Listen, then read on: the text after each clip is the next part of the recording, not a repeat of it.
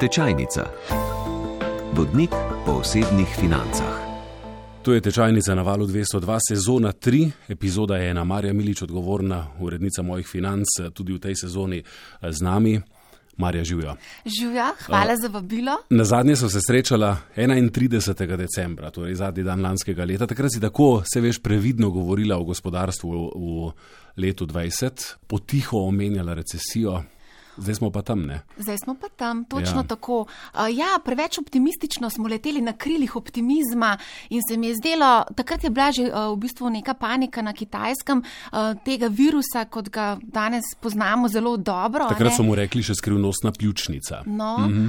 no, takrat se je to že dogajalo. Uh, nihče si pa ni mislil ali pa sploh predstavljal, da bi lahko ta virus prišel k nam in da bomo tako globoko mogli poseči v gospodarstvo v vse aktivnosti za zajezitev tega virusa. Od 13. marca smo v karanteni in ko se spomnim, ko smo gledali te grozljive posnetke iz Kitajske, mislim, podcenjevali smo absolutno moč tega virusa in ko sem se pogovarjala še s finančniki, um, ko smo pripravljali investicijski vodnik v začetku leta, Res je bil totalni optimizem. -hmm. Ni bilo razloga, niso ga videli, da bi lahko se kaj takšnega zgodilo, da bi lahko prišla spoh recesija. Volitve so novembra, Trump je bil takrat v igri uh -huh. in so rekli, takrat pač tečaj enostavno ne bodo upadli, mi smo vsi bikovsko razpoloženi. E, pa smo dobili potem medveda. Ja, na marsikaj se da vplivati na to, kako se širi virus, pa ne, oziroma skoraj ne.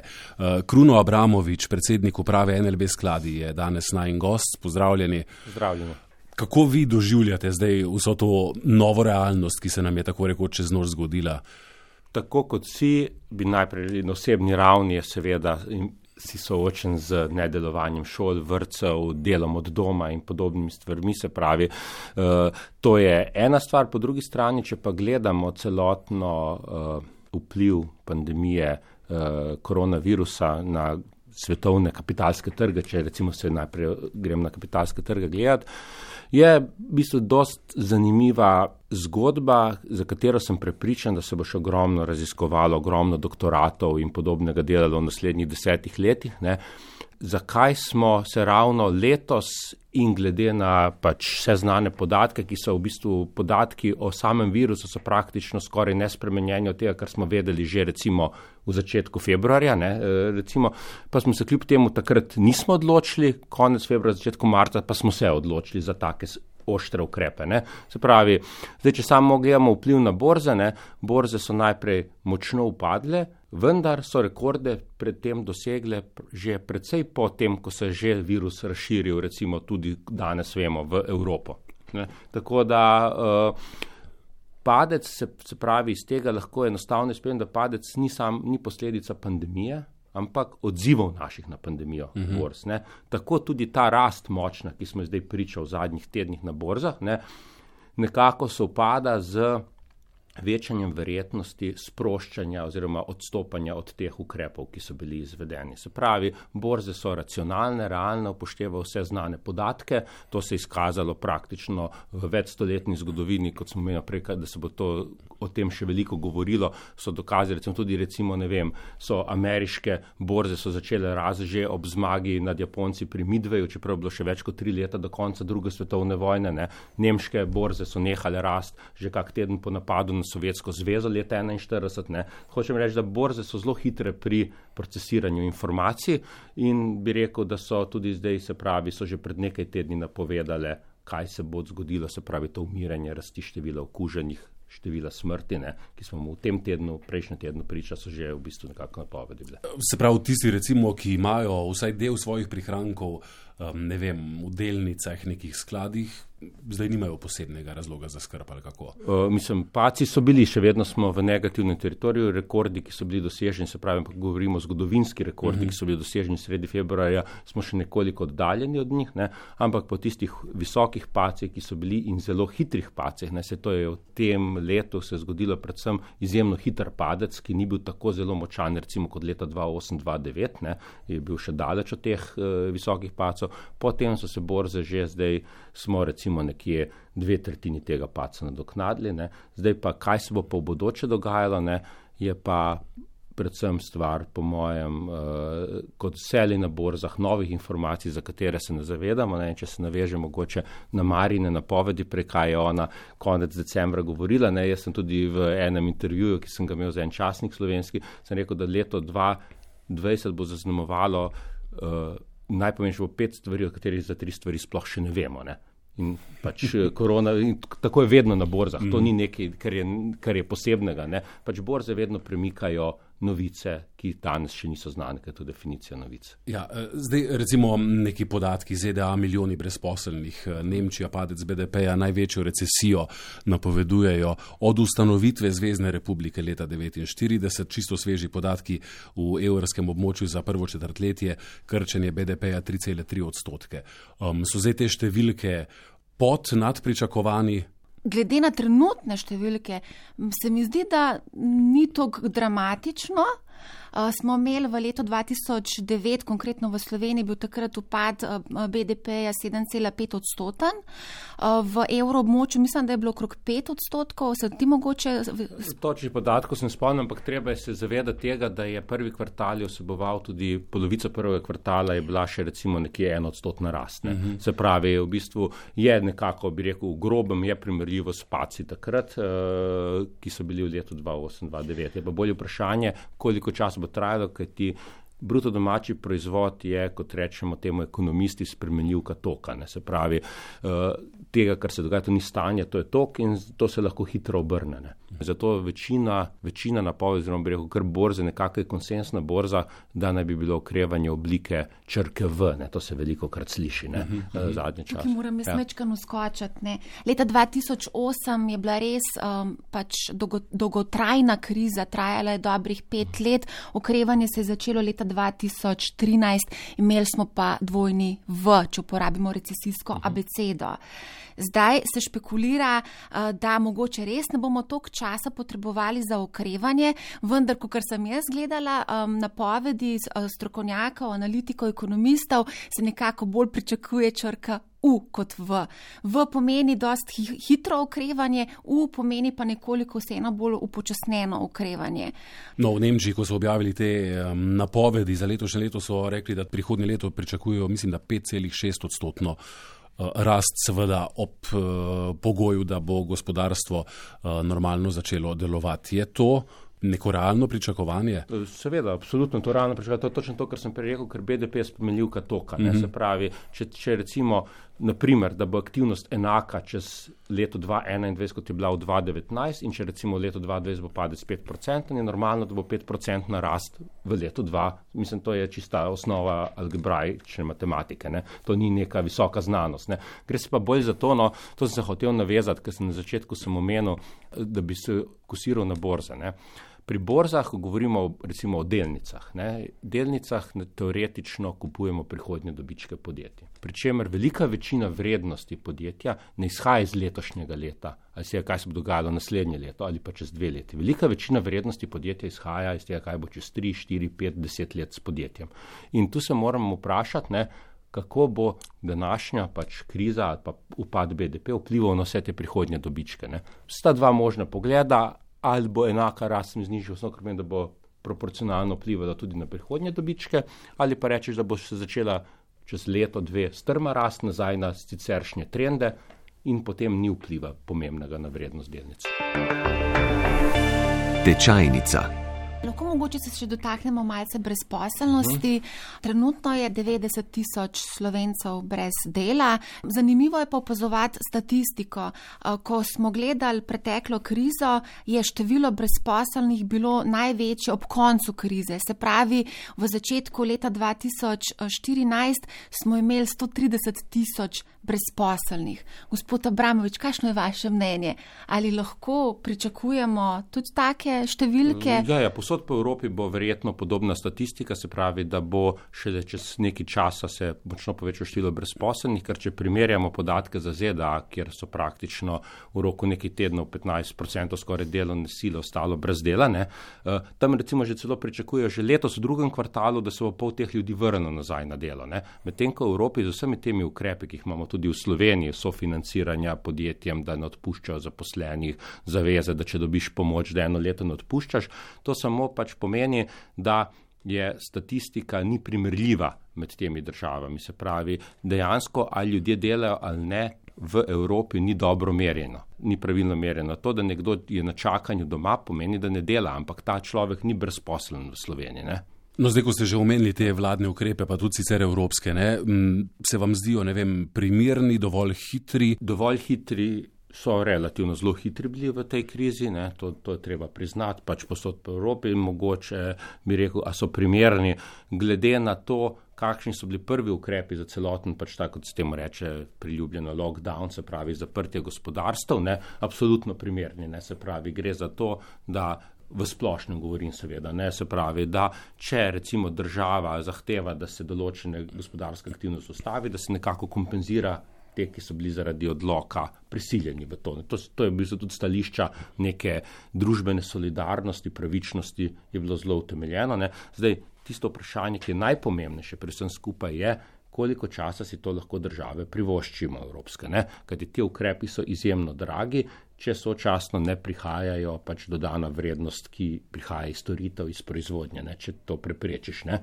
Se pravi, če se ne krira dodana vrednost, gre za pač povečanje javnega dolga, dokdaj je to sploh pač možno izvajati oziroma smiselno. Ne. Tudi države so različno lotile, ne.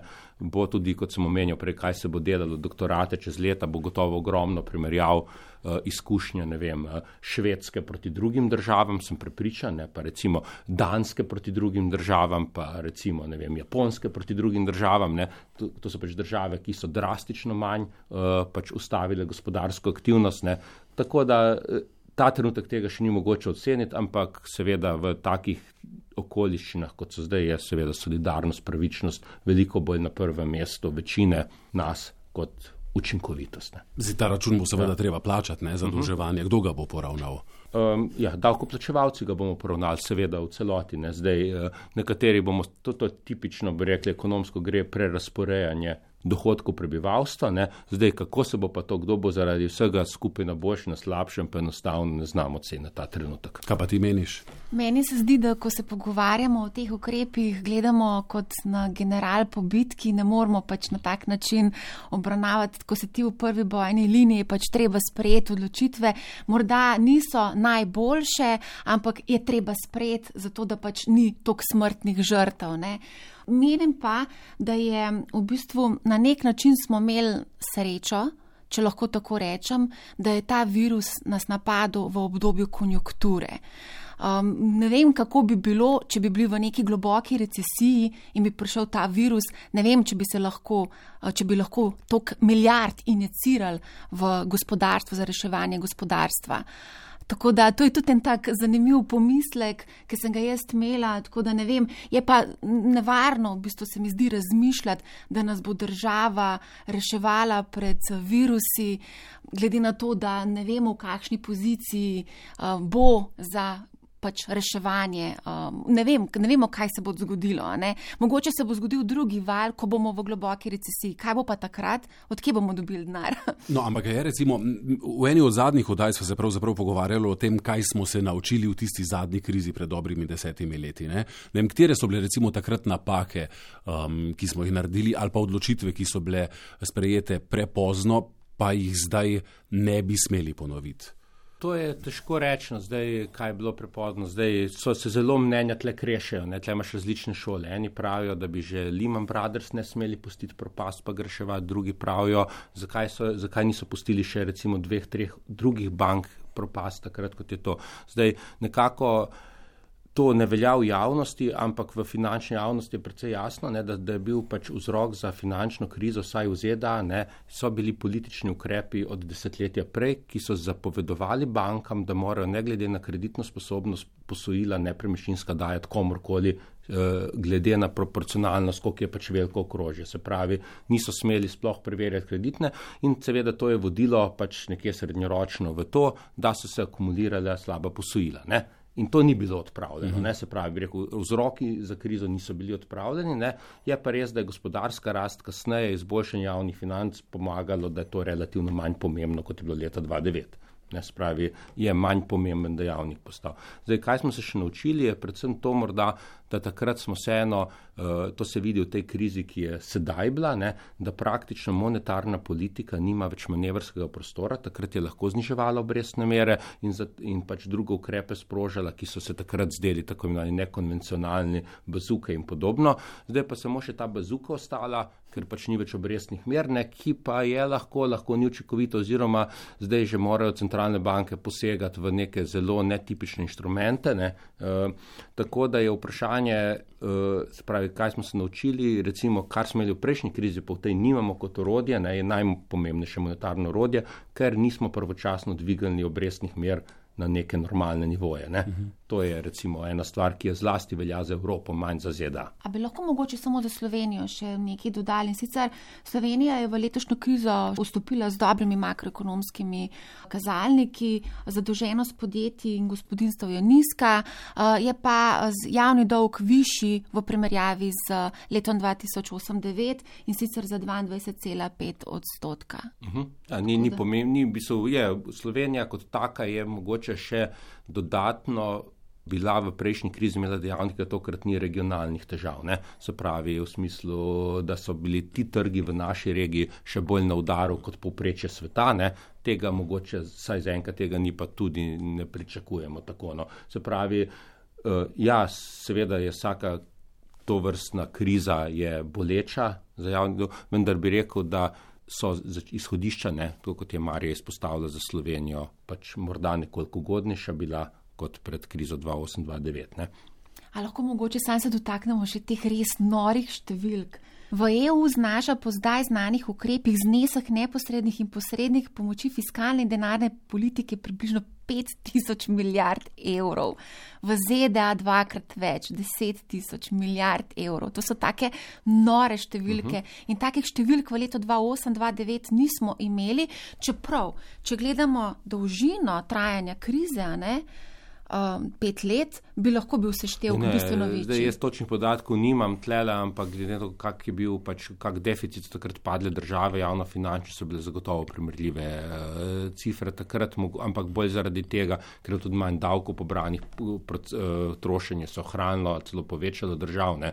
Uh, je pa pač to izrazito, vsi ukrepi, ki so bili pač sprejemani, sprejeti, ne, uh, velik del teh ukrepov ima izrazito predpostavko, ne pravim, da tako bo, ampak začasnosti. Ne?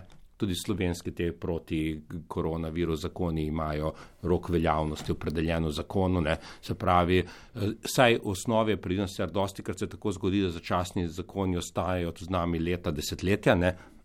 Tokrat ne vemo, kako bo, ampak vsaj bom rekel, predvidevanje je tokrat dosti trdno, da gre za začasne prehodne ukrepe, ki ne bi smeli biti tako zelo problematični za sfinancirati kasneje, čez leta, dve leti, tri leta. Sploh, če prije do gospodarske rastline. Tečajnica. Kaj menite o teh črnogledih napovedih, ne? ko so se evropski voditelji sestajali, je bilo venomir uh, slišati opozorilo oziroma pozive k neki solidarnosti, k uh, iskanju skupne rešitve. Eni so imeli tako mnenje, drugi drugačno.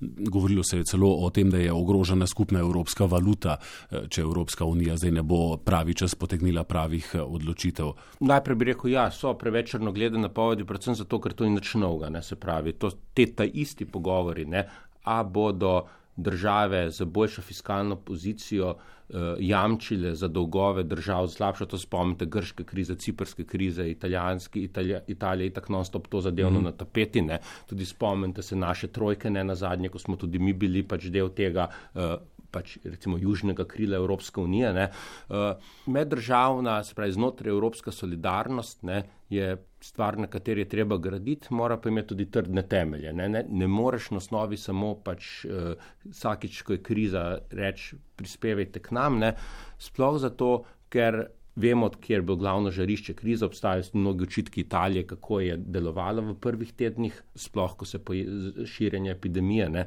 Ampak jaz mislim osebno, da je to dost političnega dima tukaj, kajti preko Evropske centralne banke in ukrepov itak vsi solidarno delujemo, ne? ki so pač eh, odkupu obveznice Evropske centralne banke in podobnega morebitne škode, ki bi Evropska centralna banka imela, če je prišlo. Tako da je to bolj neke sorte dim politični, kajti dejansko je solidarnost zelo visoka v Evropski uniji ravno preko mehanizma evra, ki ste ga omenili. Mm -hmm. In zdaj, a je komu v interesu, da bi izstopil iz področja evra? To so pač vedno so obstajale ankete, pač pred krizo, kje, kako, zakaj, ampak zaenkrat uh, evro ne kaže slabo. A lahko mogoče tukaj samo še dodamo, da je zaupanje ljudi v evro ne, kot valuto. Takrat uh, smo opazili, ko je bila dožniška kriza, da so Slovenci masovno pobirali denar iz bank. Uh, zdaj tega ni. Je pa Evropska centralna banka, da, to sem prebrala pred kratkim, naredila raziskavo, ali res ostane virus na bankovcih in so ugotovili, da ne. Na evrskih bankovcih. Na evrskih ja. bankovcih, da ne. Um, povedali so pa še, da razmišljajo o uvedbi digi digitalnega evra. Tako da to je tudi ena taka zanimiva stvar, ki je prinesla ta pač pandemija, digitalizacija. No, ampak vse v eni od oddaj smo govorili ravno o tem, ne, o tem kdaj je življenje brez gotovine in meni se zdi, da ni bilo boljšega časa, kot je zdaj. Mislim, čisto ni strani, čisto po eni strani to drži, ne, ja. seveda ja. zelo spodbujen, recimo prosimo, če se le da, plačujte s mhm. kartico in podobnega na tem, kjer ima post terminalne.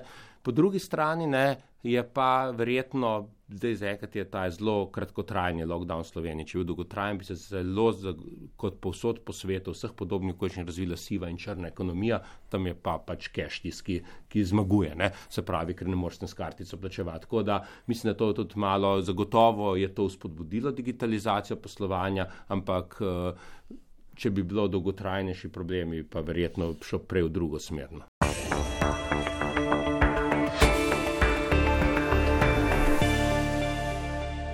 Kitajska in odnosi z Združenimi državami, svetom.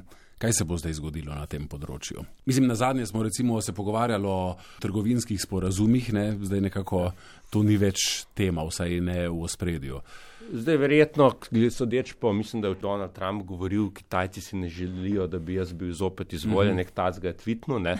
Se pričakuje določeno zostrovanje napetosti, ker mu tokrat, za razliko od tega, kaj so bila pričakovanja, recimo tri mesece nazaj, ko smo vsi govorili, ne, da bi Trumpu sedaj pa tik pred volitvami postrezal neko premirje na trgovinskem področju, ne, da pokaže to in to sem dosegel, popustili so, ne, zdaj pa je pač premirje s ciljem, da ne upade gospodarska rast, zdaj gospodarska rast je tako upadla, ne se pravi, ne rabi več za to skrbeti, in zdaj mu ustreza se prikazati kot Kitajsko, kot tistega krivca, zunanjega sovražnika, kakorkoli že, in da bo pač tak. Trd, tough guy se prikazal proti Kitajski. Zdaj, kako mu bo uspelo to spraviti skozi, po mojem, da težko, kajti vseeno, po vsem tistem, recimo, kaj se je dogajalo v Wuhanu pred nekaj meseci, težko pač kdorkoli kupi zgodbo, da so to pač Kitajci neki namenoma naredili. Ne? Ne vem, težko bo, ampak gotovo bo pa to močan faktor v predsedniških volitvah ameriških kampanj in to se bo začelo verjetno čez kak teden že. Kruno Abramovič, predsednik uprave NRB skladi, hvala lepa za obisk na valu 202. Tudi tebi, Marja, z obema se vidimo v prihodnji epizodi, ko bomo posledice krize, ki sledi torej eh, tej epidemiji novega koronavirusa, eh, nekako spustili še na raven osebnih financ. Tečajnica. Vodnik po osebnih financah.